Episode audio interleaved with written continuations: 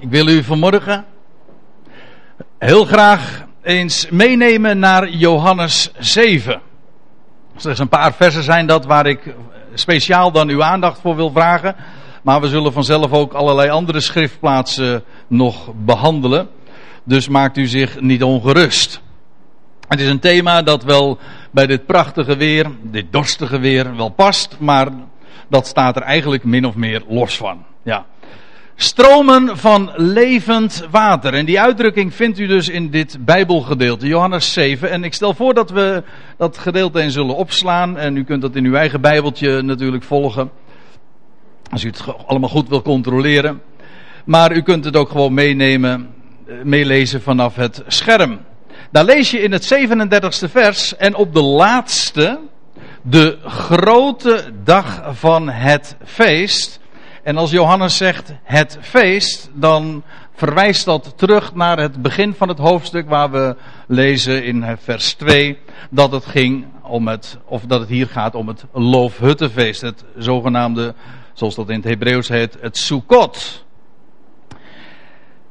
En dat feest, dat is het, als je dat uh, terugleest in, de, in het Oude Testament, in Leviticus, dan is dat het, de zevende grote hoogtijdag, ook de laatste hoogtij, hoogtij moet ik zeggen, want het was maar niet één dag, het was een, een heel week dat men dat feest vierde.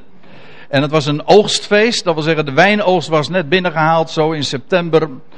En dan werd een, gedurende een week lang dat feest van de loofhutten gevierd. En dat zevende feest, dat moet u niet verbazen. Dat zit hem al in dat zeven, maar in nog veel meer. Dat verwijst naar de grote zevende dag, naar de grote sabbat die voor deze wereld zal gaan aanbreken. Die God in petto heeft voor alle volkeren. Het is ook opmerkelijk dat als het dat als je leest over dat Messiaanse Rijk dat gaat komen, we vinden dat in Zacharia, dat ook gezegd wordt dat wanneer dat Loofhuttenfeest dan ook gevierd zal worden, dat alle volkeren naar Jeruzalem zullen heen gaan en zullen optrekken bij gelegenheid om in Jeruzalem juist dat Loofhuttenfeest ook te vieren.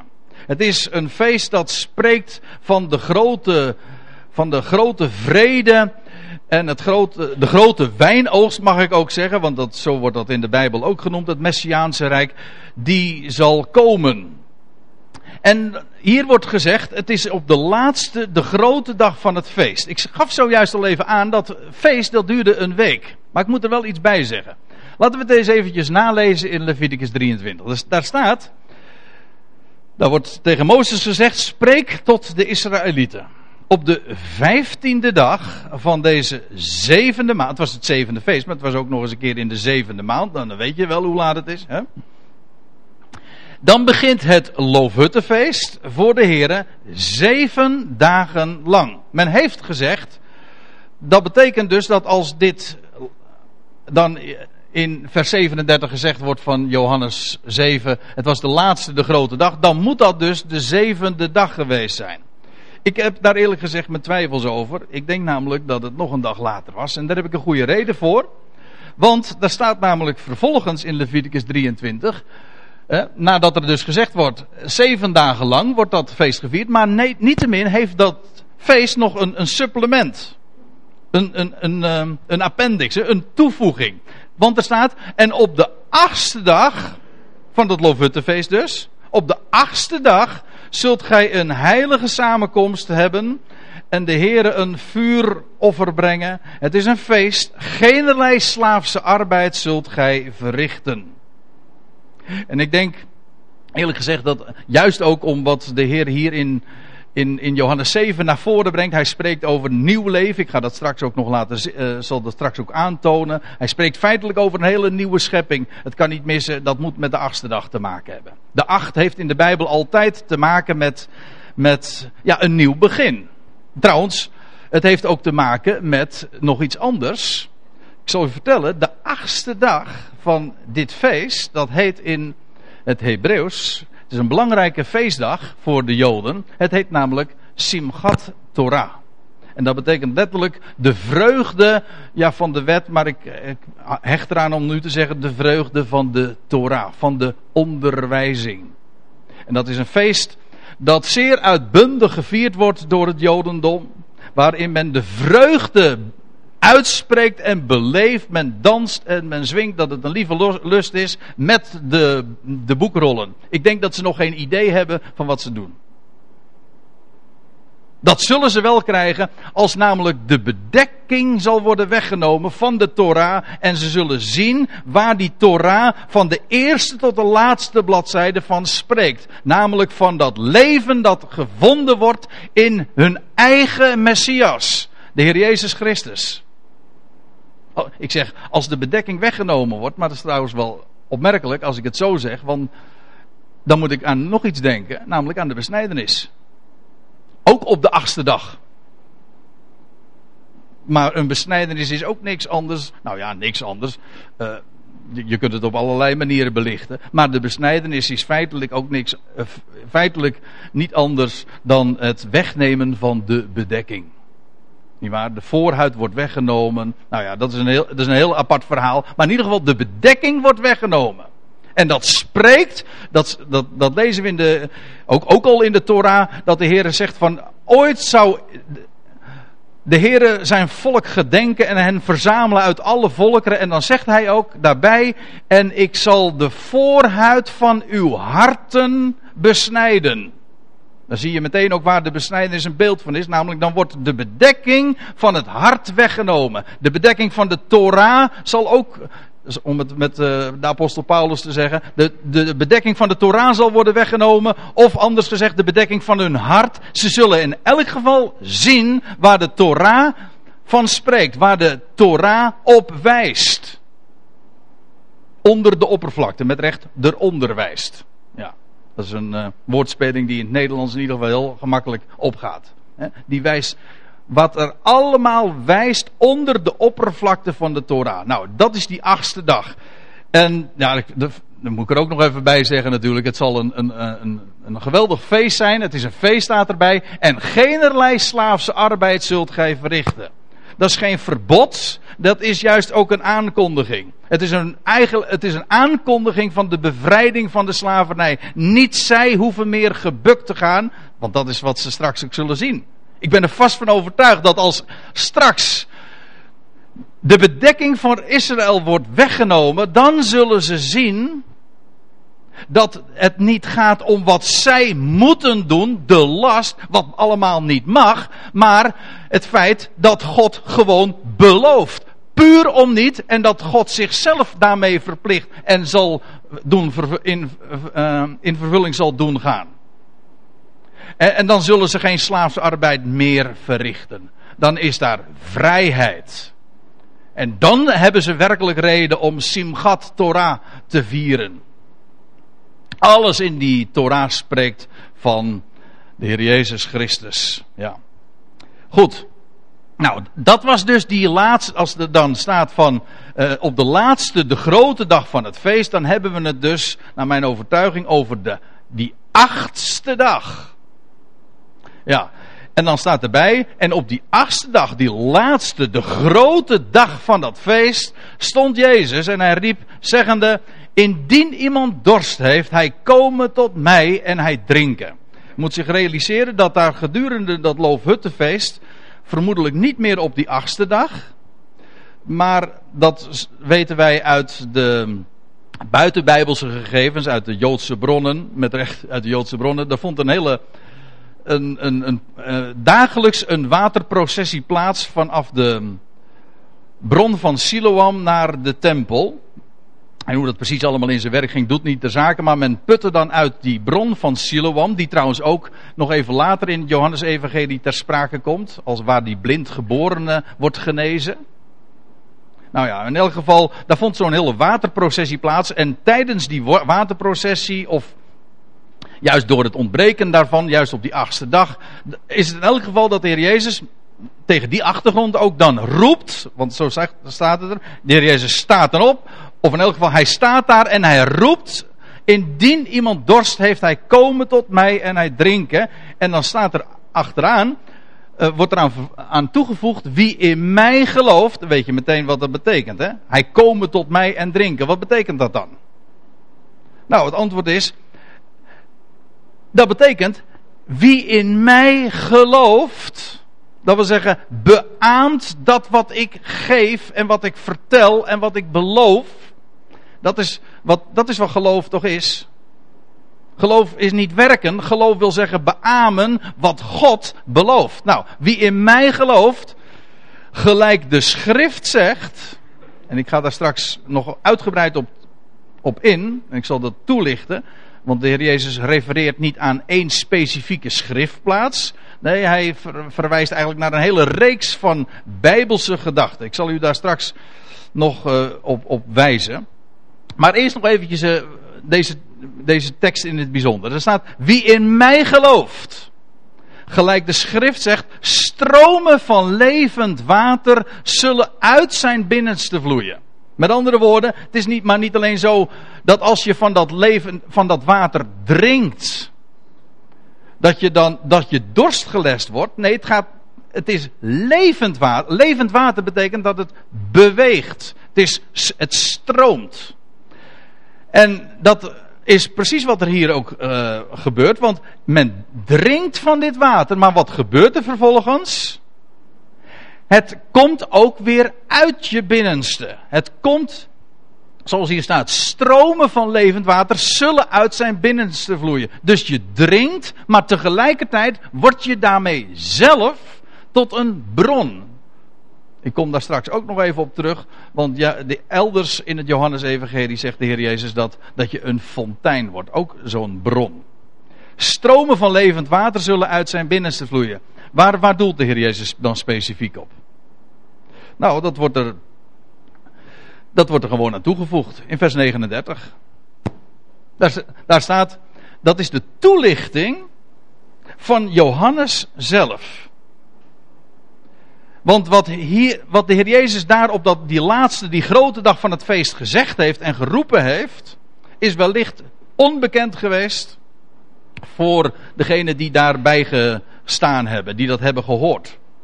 Maar Johannes brengt het in herinnering en dan zegt hij: Dit zeide hij van de geest, welke zij die tot geloof in hem kwamen, ontvangen zouden. Dat moest namelijk nog gebeuren. Hoe weet ik dat? Nou, dat staat er daar weer achteraan, want er staat erbij: Want de geest was er nog niet, omdat Jezus nog niet verheerlijkt was de geest, waar Johannes hier, waar de, of nou, laat ik het anders zeggen, waar de Heer Jezus over spreekt, dat levende water, dat spreekt van geest, dat ontvang, ontvangen wordt, maar wat ook weer doorgegeven wordt. Nou, wie is die geest? Of laat ik het nog anders vragen. Wanneer kwam die geest? Nou, in ieder geval zou Jezus eerst verheerlijkt worden. Dat wil zeggen, opstaan, ten hemel varen. En opmerkelijk trouwens in het Johannesevangelie is dat de opstanding, hemelvaart en Pinksteren bij Johannes allemaal op één dag vallen. Dat is echt zo. Toen de, de, dag dat de Heer Jezus opstond, diezelfde dag lees je ook nog dat hij, dat hij zegt tegen Maria: raak mij nu niet aan want ik ben nog niet naar, de hemel, naar mijn vader opgevaren. Johannes 20. En diezelfde avond nog lees je dat hij blaast op, zijn, op eh, de, de mensen die daar vergaderd zijn, de elf discipelen. En dan lees je, hij blaast op hen en hij zegt, ontvang mijn geest. Feitelijk, feitelijk Pinksteren. Ja, ik weet het, de 40ste en de 50ste dag zou dat veel publieker gebeuren. Maar strikt genomen is de Heer Jezus ten hemel gevaren en ook de geest heeft hij gegeven aan zijn discipelen al op de dag van zijn opstanding. Zodat als je de vraag stelt wanneer is Jezus nou verheerlijkt, nou dan is Johannes daar heel simpel in. Dat is gewoon de dag dat hij is opgestaan. Toen is hij ten hemel gevaren, toen heeft hij ook van zijn geest gegeven. Ik kan nog sterker vertellen, die geest is niemand anders dan de Heer Jezus Christus. Als we even terugbladeren in dit evangelie, dan lees je in Johannes 6, vers 63. En dat is voor vele van zijn toehoorders abacadabra geweest. Want, maar dat lees je in, in, die, in diezelfde context ook en dat velen hem dan verlaten. Maar dan zegt de Heer Jezus, de geest is het die levend maakt. En dan voegt hij eraan toe, het vlees doet geen nut. Wij vinden dat misschien heel erg zwart-wit. Het is ook heel zwart-wit. hij zegt niet het vlees is weinig. Het vlees is van geen nut. De, het dat wil zeggen, als het gaat om levendmaking, eh, kan het vlees daar niks aan, bij, aan, aan, aan bijdragen of aan toevoegen. De mens is volstrekt afhankelijk van hem. Dat is eigenlijk de hele Bijbelse waarheid. Dat is maar goed ook trouwens, want hij geeft ook. Hij belooft ook. En daarom is geloof ook niet, staat altijd tegenover werken, want het gaat er niet om wat het vlees moet doen, want dat is helemaal van geen enkel nut. De heer Jezus wijst op hem. De geest is het die levend maakt. Trouwens, ik kan nog anders zeggen, geest is niks anders dan leven. Als je de geest krijgt, niet waar? Dan ga je ademen, dan ga je leven. En als je de geest geeft, de laatste adem uitblaast, dan ben je dood. Geest is leven. Wel, hier gaat het over echt geest met allemaal hoofdletters, want namelijk over leven dat sterker is dan de dood. Ik zal het u ook laten zien. Uh, nadat ik heb voorgelezen. De geest is het die levend maakt. Het vlees doet geen nut. En dan, en dan komt het. De woorden die ik tot u gesproken heb. zijn geest en leven. Of geest namelijk leven. Of geestelijk leven.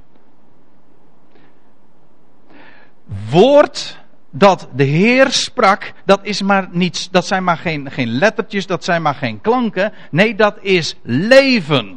Vandaar ook dat je, ook in ditzelfde Johannes-evangelie leest, dat, de, dat het moment zal komen dat de Zoon van God zal spreken en zijn woord zal inderdaad levend maken. En als je het niet geloven wil, dan zou je het maar eens een keer aan, zomaar aan Lazarus kunnen vragen. Die was letterlijk dood. En de Heer Jezus heeft hem aangesproken terwijl hij al een paar dagen in het graf lag. Lazarus, kom uit! En Lazarus kwam uit. Dat we, de woorden die de Heer sprak zijn geest en leven. Daar denken we nooit te groots en te machtig over. Integendeel, dat onderschatten wij altijd. Daarom, het enige wat wij ook de, de wereld te bieden hebben, dat is niet onze goede werk of onze, onze sociale programma's. Houd toch op. Dat is allemaal mooi hoor. Maar dan zeg ik, het vlees doet geen nut. Weet u wat werkelijk nut doet? Wat werkelijk ertoe doet, dat is het woord dat we bezitten. Spreek het maar en je zult zien dat het leeft, kracht heeft. Nou, dat woord dat is geest en dat is leven. Daar moet je niet wazig over doen zoals er over geest altijd gedaan wordt. En dan denken mensen meteen, het is niet helemaal zonder reden hoor. want het, wind, het wordt ook vergeleken met de wind die je niet ziet, maar je ziet wel het effect. Maar het neemt niet weg, woord, het woord van God, dat is geest en dat is leven. Woord en geest is feitelijk gewoon één en hetzelfde. Beide kun je niet zien, maar wel horen. Het is ook allebei leven. Goed. Maar ik heb het hier dus over die geest die levend maakt. Hè? Maar wie is nou die geest die levend maakt? Nou, degene die de vorige keer waren, die herinneren het zich wellicht.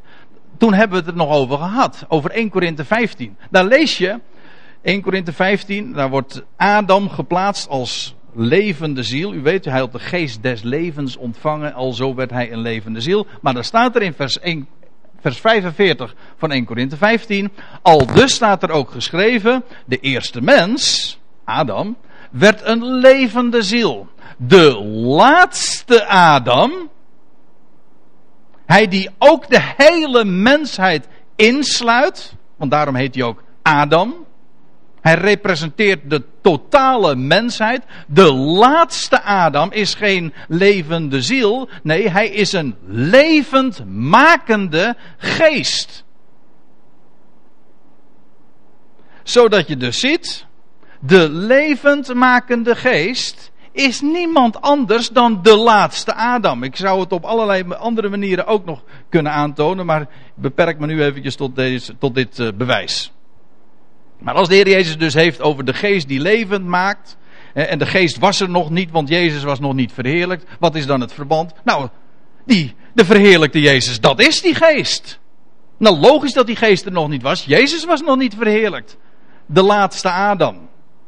Ja, goed. Daarover heeft de Heer Jezus het dus. Over die geest. Over dat leven dat aan het licht kwam toen hij verrees uit het graf en daarmee sterker bleek dan de dood. En wat er 2000 jaar geleden gebeurde, dat is de garantie dat eens de hele mensheid dat leven wat hij aan het licht bracht. Een leven van onvergankelijkheid, van kracht en van heerlijkheid. Staat tegenover de vergankelijkheid en de ontluistering en de zwakheid van dit leven, tussen aanhalingstekens.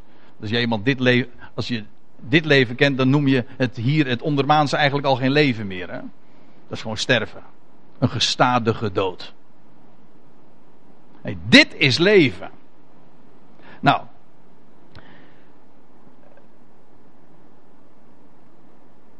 Ik wilde nog iets daarover zeggen, maar ik ben even dat kwijt. Maar ik heb, eh, dat, maakt, dat is niet zo'n probleem hoor. Want ik heb namelijk nog wat anders. Uh, ik wilde namelijk nog wat zeggen. Juist daarop wil ik nog wat nader ingaan. Op uh, wat de Heer Jezus had gezegd van... Wie in mij gelooft, gelijk de schrift zegt... Stromen van levend water zullen uit zijn binnenste vloeien. Hoezo gelijk de schrift zegt? Ik, ik, gaf al eventjes kort aan, de Heer Jezus verwijst niet naar één specifieke schriftplaats. Het is ook niet een letterlijk citaat. Maar het idee, de gedachte van stromen van levend water uit, dat vloeit uit het binnenste. Oh, dit vinden we op heel wat plaatsen hoor. Nou, laat ik eens een voorbeeld geven. Uh, Spreuken 10. Daar lees je al van de mond van de rechtvaardige de mond van de rechtvaardige. Wat is een rechtvaardige? Hoe rekent God? God rekent. Genesis 15, vers 6. Dat is echt zo'n tekst die je aan het hoofd moet kennen. Abraham geloofde God nadat hem dat nageslacht werd beloofd, zoals de sterren des hemels. Onvoorwaardelijk. En dan en dan lees je, en Abraham geloofde, hij beaamde God en het werd hem tot gerechtigheid gerekend. Dat wil zeggen, Abraham was een rechtvaardige in de ogen van God. Deed hij iets? Nee, hij deed helemaal niks. Hij, had ook heel, hij hoefde ook helemaal niks te doen. Het vlees doet geen nut. Nee, hij beaamde wat God zei. God vervulde het toch wel, want God had helemaal geen enkele voorwaarde gegeven. God had gezegd, zo zal jouw nageslacht zijn. En Abraham zal gedacht hebben van, u zegt het. Nou, met recht, u zegt het. En zo is het. En u bent in staat om uw woord te vervullen, ik niet. Het vlees doet geen nut. Dat is een hele goeie hoor. Om dat altijd Het vlees doet geen nut. Want als, als dat namelijk je startpunt is, dan stelt het vlees ook niet meer teleur. Teleurstelling, frustratie krijg je alleen maar bij te hoog gespannen verwachting. Daar komen we vandaag zelf nog wel achter. Misschien. Hè? Ja, of de Spanjaarden, ja, dat kan ook nog. Dan krijg je frustratie. Als je helemaal niks verwacht, nou, dan kan je niet teleurgesteld raken ook. Dat is dan wel weer het, het voordeel daarvan. Maar in hem kan je niet gefrustreerd raken. Dat wil zeggen in zijn woord. Misschien wel in jouw ideeën over wie hij is. Maar in zijn woord kan nooit teleurstellen. Want hij vervult namelijk wat hij belooft. En hij is bij machten. Wat zijn liefde wil bewerken, dat wordt niet ontzegd door zijn vermogen. Hij kan wat hij wil. En hij doet wat hij zegt. Hij vervult wat hij belooft. Nou, de mond van de rechtvaardige, van degene die gelooft, dat is een bron van leven. Waarom? Is dat zo'n goede. Wat, wat, is, wat heeft die rechtvaardige? Nou, gewoon het woord. Dat heeft hij. In zijn hart namelijk. En omdat hij het in zijn hart heeft, En, dat hij, en omdat hij ook nog een mond heeft, is het een bron van leven. Want ja, het hart, het vat geeft uit wat erin zit. Niet waar? En dat is meteen een mooie naar de volgende. Naar Lucas 6 wil ik u meenemen. Want daar staat dat ook zo. En daar herkennen we onmiddellijk ook een bekend Nederlands spreekwoord in. Dat regelrecht ontleend is aan dit woord. Daar staat een goed mens. Wat is een goed mens? Er zijn toch helemaal geen goede mensen? Nou, dat hangt er vanaf wat erin zit. Van, van jezelf niet. Het vlees doet geen nut. Ja, we houden hem erin hoor vandaag. Het vlees doet geen nut. Nee, maar een goed mens brengt uit zijn goede schat. Dat maakt hem goed. Hij heeft een goede schat. Een rijkdom. En hij, een goed mens brengt uit, zijn goede, uit de goede schat zijn harten. Het goede voort. En een slecht mens. Waar, hoezo slecht? Nou, brengt uit de boze schat het boze voort. Dus het geldt positief, maar negatief ook. En wat is het achterliggende principe? Wel, dat staat er, dat lezen we vervolgens ook. Want waar het hart vol van is, daarvan spreekt de mond. Of zoals de Statenvertaling, als ik me niet vergis, heeft. Uit de overvloed des harten, daar spreekt de mond van. De mond loopt over van dat waar het hart vol van is. Als je hart ergens vol van is, dan kan het niet missen dat je mond je zal verraden. Ja, tenzij de mond gestopt wordt, daar zullen we het ook nog over hebben. Dat kan ook nog. Maar, maar we weten allemaal dat het zo werkt. En dat, geldt, dat geldt voor, voor alles waar het hart vol van kan zijn. Zoals hier ook staat: van ja, als je een slechte schat hebt. Als je met slechte dingen vervuld bent, dan zal je mond je altijd verraden. De mond spreekt van dat waar een mens bezig, zich mee bezighoudt. En al is het niet expliciet, dan impliciet. Je, een mens verraadt zichzelf daarmee altijd. En dat kan, dat kan zelfs in het meest triviale, als iemand gek is van postzegels, dan zal. Hè, waar, waar praat zo iemand? Ik, ik ken zo iemand. Ik, dat is wel een aardige. Ik ken iemand die de, te boek staat als iemand die altijd heel zwijgzaam is, maar praat hem, praat maar eens een keer over zijn, lief, zo over zijn liefhebberij. Dan ben je de hele avond nog niet van hem af. Echt waar, hij zegt nooit een woord. En eigenlijk is elk woord er één te veel bij hem. Maar praat maar eens een keertje. Nou, ik zal, ik zal het maar niet zeggen uh, wat de liefhebberij was, want dan. Dan, uh, ben ik, dan ben ik weer te expliciet. Hè? Dat, maar, dat mag ik niet doen. Maar spreek, uh, spreek hem aan over zijn hobby. En hij blijft erover praten. Uit de volheid des harten, daar gaat het om. Uit de volheid des harten, daarvan spreekt de mond. Waar de mond vol van is, daar loopt de mond van over, kan niet missen. Goed, ik ga u nog een schriftplaats eh, meenemen.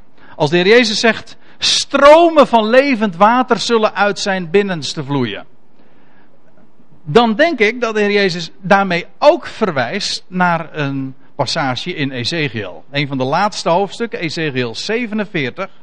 Waarin een, in die hoofdstukken een beschrijving gegeven wordt van het toekomstige Jeruzalem. De tempel die zal herrijzen over de, alle bijzonderheden daaromtrent. Over de afmetingen van het land. Maar het meest bijzondere hoofdstuk in mijn ogen is toch wel dat 47ste. Want daar lees je over een waterbron die uit het heiligdom zal ontspringen. Dat is niet zo bijzonder hoor, want ik denk dat ook de vroegere tempels van Salomo en van Herodes op, de, op een bron waren gebouwd. Dat is een, dat is een heel interessante kwestie trouwens. Maar in elk geval, de toekomstige tempel, daarvan wordt het ook expliciet zo gezegd. Daar lees je dit. Toen bracht hij, dat is die engel, uh, die boodschapper van Gods wegen, mij, dat is Ezekiel, terug naar de ingang van het huis. En dan staat er, zie, er stroomde water onder de drempel van het huis uit. Water komt uit het heiligdom. uit het binnenst heiligdom. Dat is een, ik zeg het expres even zo, want in feite wat we in Johannes 7 lezen, stromen van levend water zullen uit zijn binnenste vloeien. En dan staat er van, ja, dit zeide hij van de geest, die zij die tot geloof zouden komen, zouden ontvangen. Ja, met andere woorden, de geest van God zelf komt daarin wonen. Met andere woorden, die persoon wordt daarmee zelf tot een heiligdom, een tempel. Toch? Een tempel is niks anders dan een plaats waar God woont. Nou, daar sprak de Heer Jezus ook over. En wat gebeurt er dan? Nou, dan zullen stromen van levend water uit gaan vloeien. Dat is figuurlijk zo.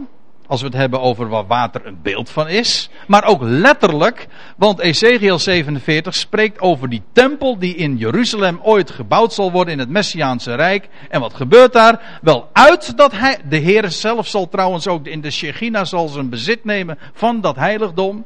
De Heer zal gaan wonen in dat huis. En wat gebeurt er dan? Ja, je kan het al eh, raden. Daar gaat water, levend water uit die, die bron komen. Waarom zeg ik levend water? Wel, het is water dat stroomt en dat ook maar blijft stromen. Wat lezen we namelijk? Ik sla nu een aantal versen over in Ezekiel 47. Daar staat, en hij zeide tot mij, dit water, nadat Ezekiel daar helemaal zich in, in heeft ondergedompeld. Hij zeide tot mij, dit water stroomt naar de oostelijke landstreek. Dat vloeit af naar de vlakte en komt in de zee. Eh, in de zee, dat wil zeggen, het gaat hier over de Dode Zee in de Dode Zee wordt het uitgestort, zodat haar water gezond wordt. Op een paar uitzonderingen na, dat wordt er ook nog bij vermeld. Maar het de Dode Zee gaat een levende zee worden. Daar kun je nu nog echt helemaal niks bij voorstellen. Maar nu even wat anders nog. Dat wonder gaat gebeuren met de Dode Zee. Maar nu even een andere vraag. Waarom is de Dode Zee een Dode Zee? Het antwoord is. Kijk, er komt wel water binnen. Er komt levend water binnen. Stromend water. En toch is de Dode Zee een Dode Zee. Hoe komt dat? Het kan er niet uit.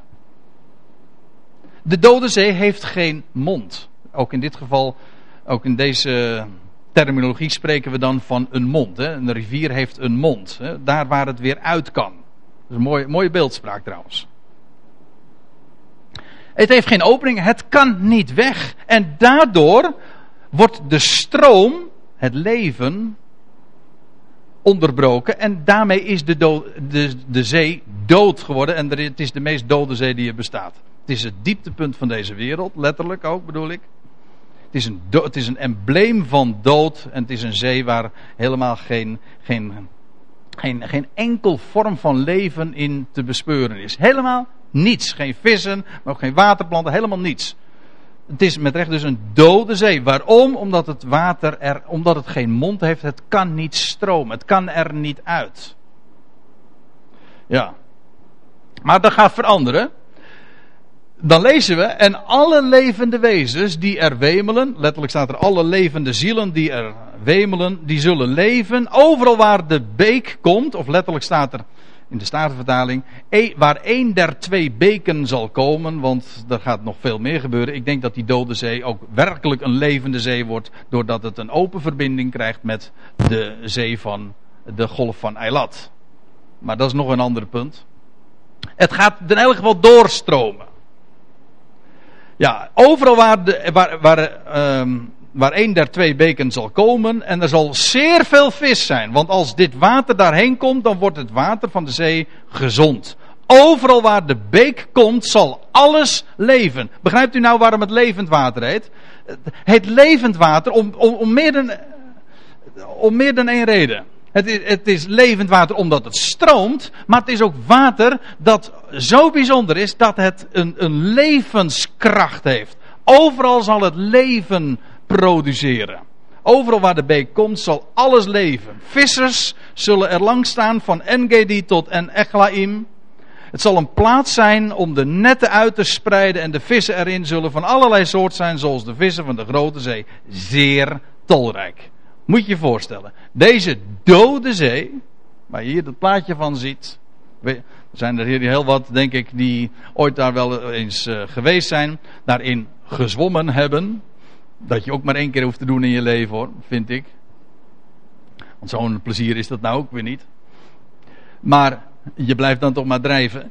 In elk geval, dat zal straks dus niet meer kunnen. Hè? Dus als je dat wil doen, moet je het nu nog echt doen. Want straks kan je, ja, dan kun je wel in de Dode Zee gaan zwemmen. Maar dan kun je dus ook vissen gaan bekijken.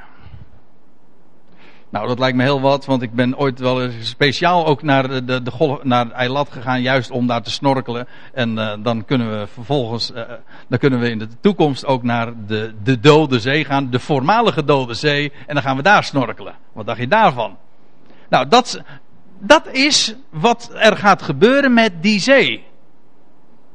Er komt water uit het binnenst heiligdom, dat gaat stromen. En bovendien, die, die, zee zelf gaat ook weer stromen. En dat is het wonder wat de Heer uh, met die zee gaat, uh, gaat verrichten. Dat wil zeggen, het, het komt er binnen, maar het zal er ook weer uitgaan. Ik neem u mee naar nog een schriftplaats. Naar Johannes 4. Daar is de Heer Jezus in gesprek met de Samaritaanse vrouw. Gedurende die twee dagen dat hij daar in Samaria was.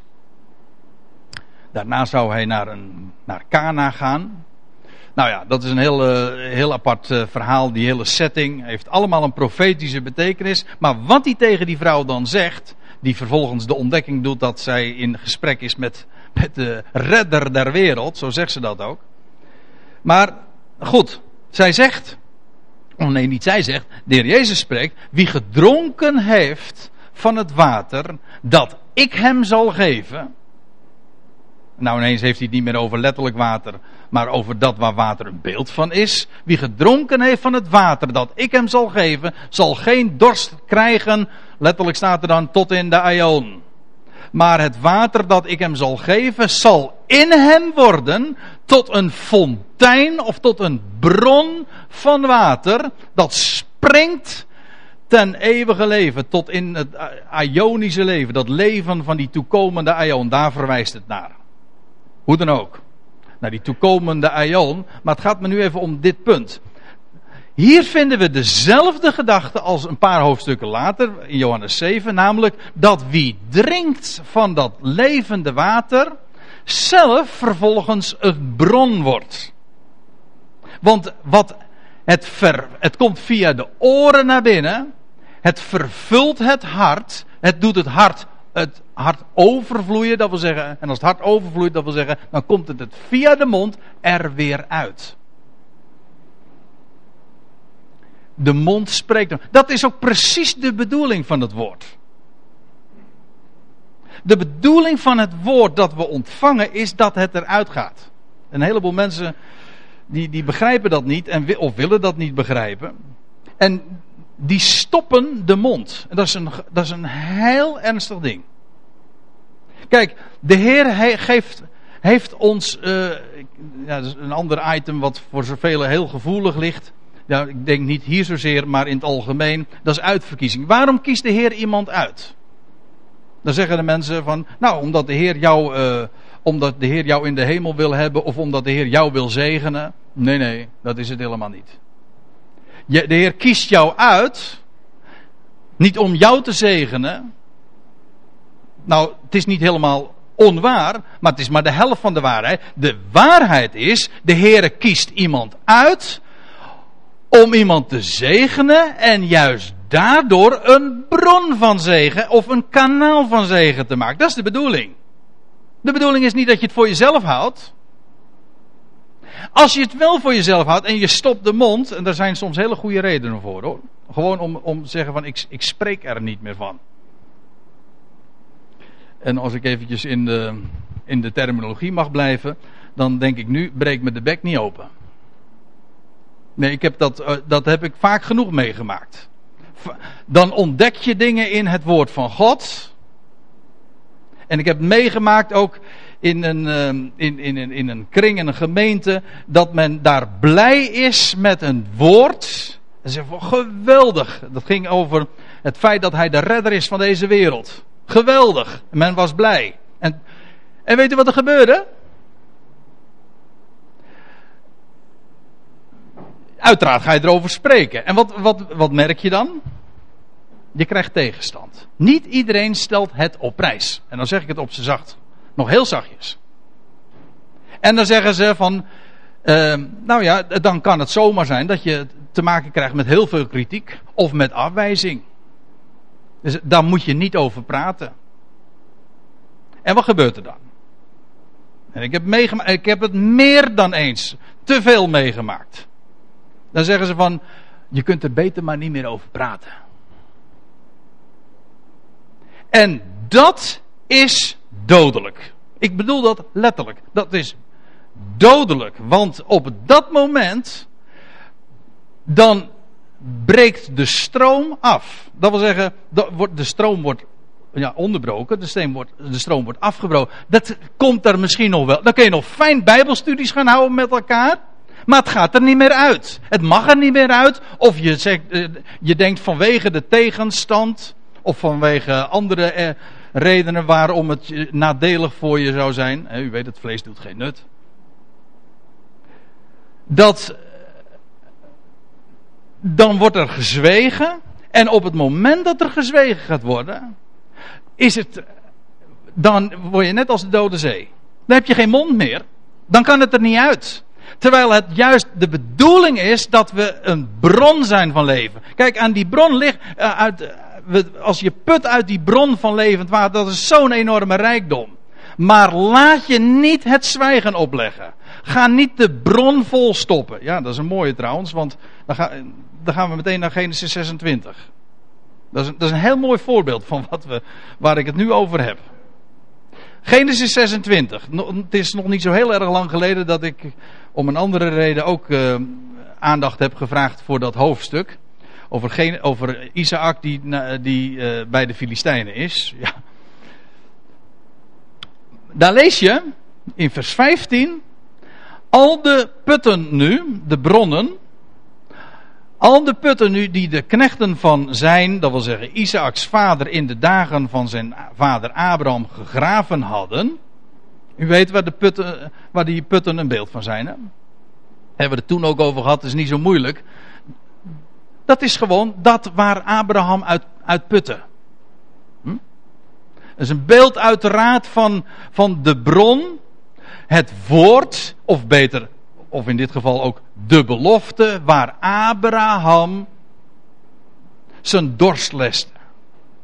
Leven van ontving, ook letterlijk trouwens. Want Abraham was ook nog zo'n verstorven man. En het woord van God heeft hem levend gemaakt. Ook zijn vrouw trouwens nog. Ja, dat is lachen. Zo noemde hij zijn kind ook. Hm? Ja. Kijk, dat die putten. Weet je wat er was gebeurd met die put? Kijk, nou, dat, laat ik het even verder lezen.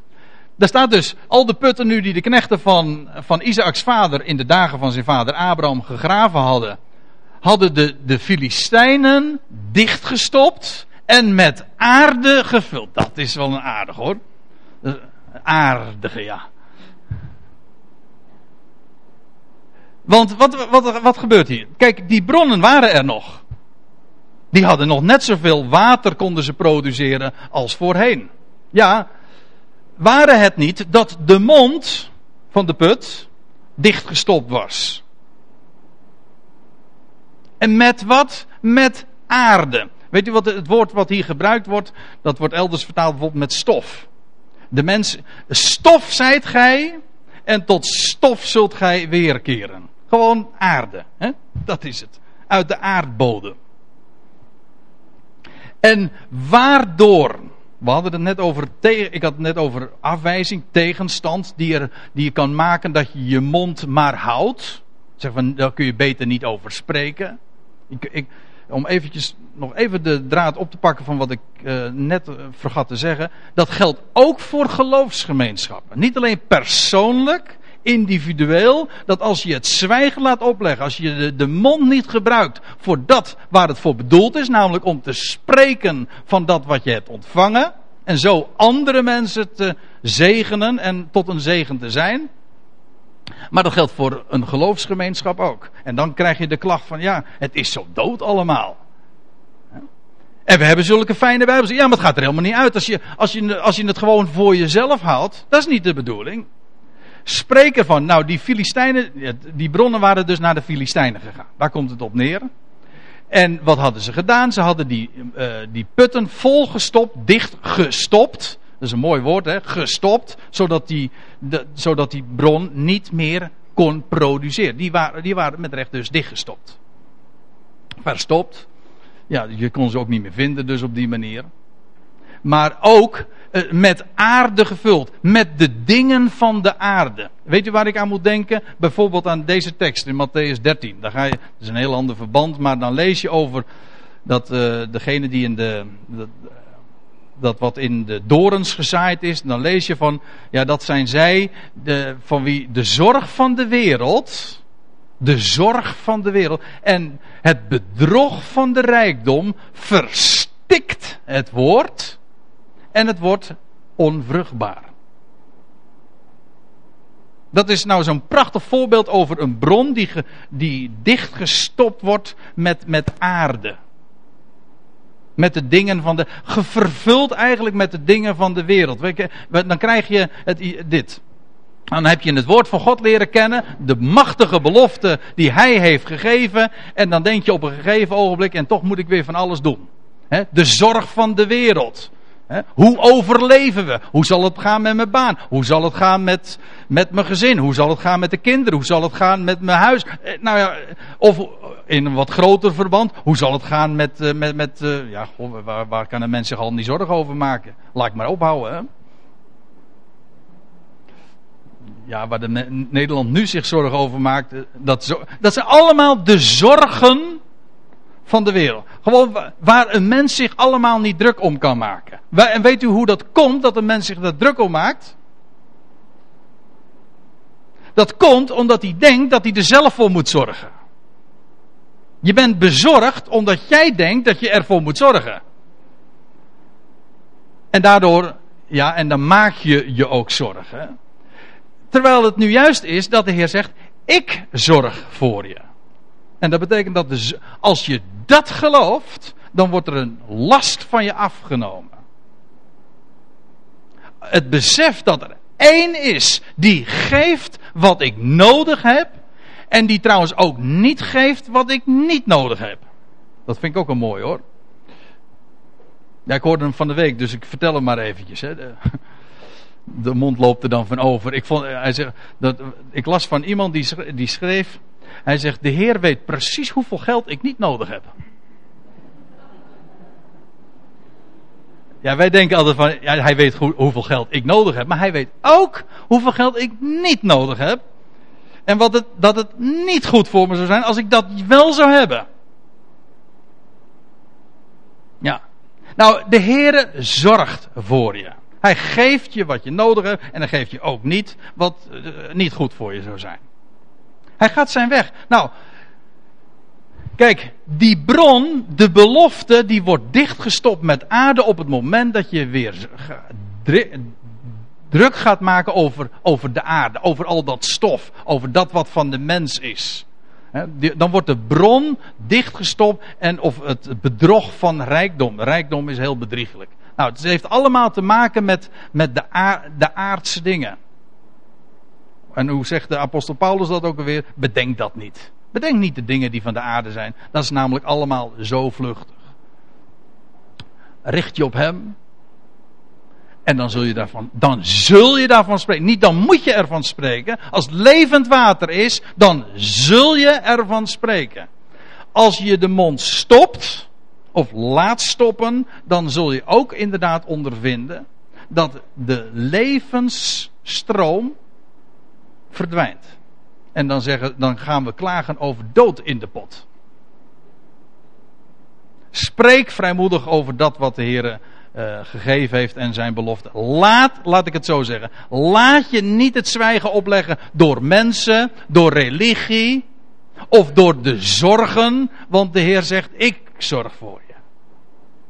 Nou, de Filistijnen hadden die, aarde, hadden die bronnen dichtgestopt en gevuld hè, met aarde. Gevuld, zodat er helemaal geen water meer uit kon komen. Er zat wel water in, maar het kon er niet uit. Ja, en Isaac groef, en dan lees je nog erbij, want dat is, het dat is het goede nieuws natuurlijk. En Isaac groef die waterputten die men gegraven had in de dagen van zijn vader Abraham. En die de Filistijnen na Abrahams dood hadden dichtgestopt.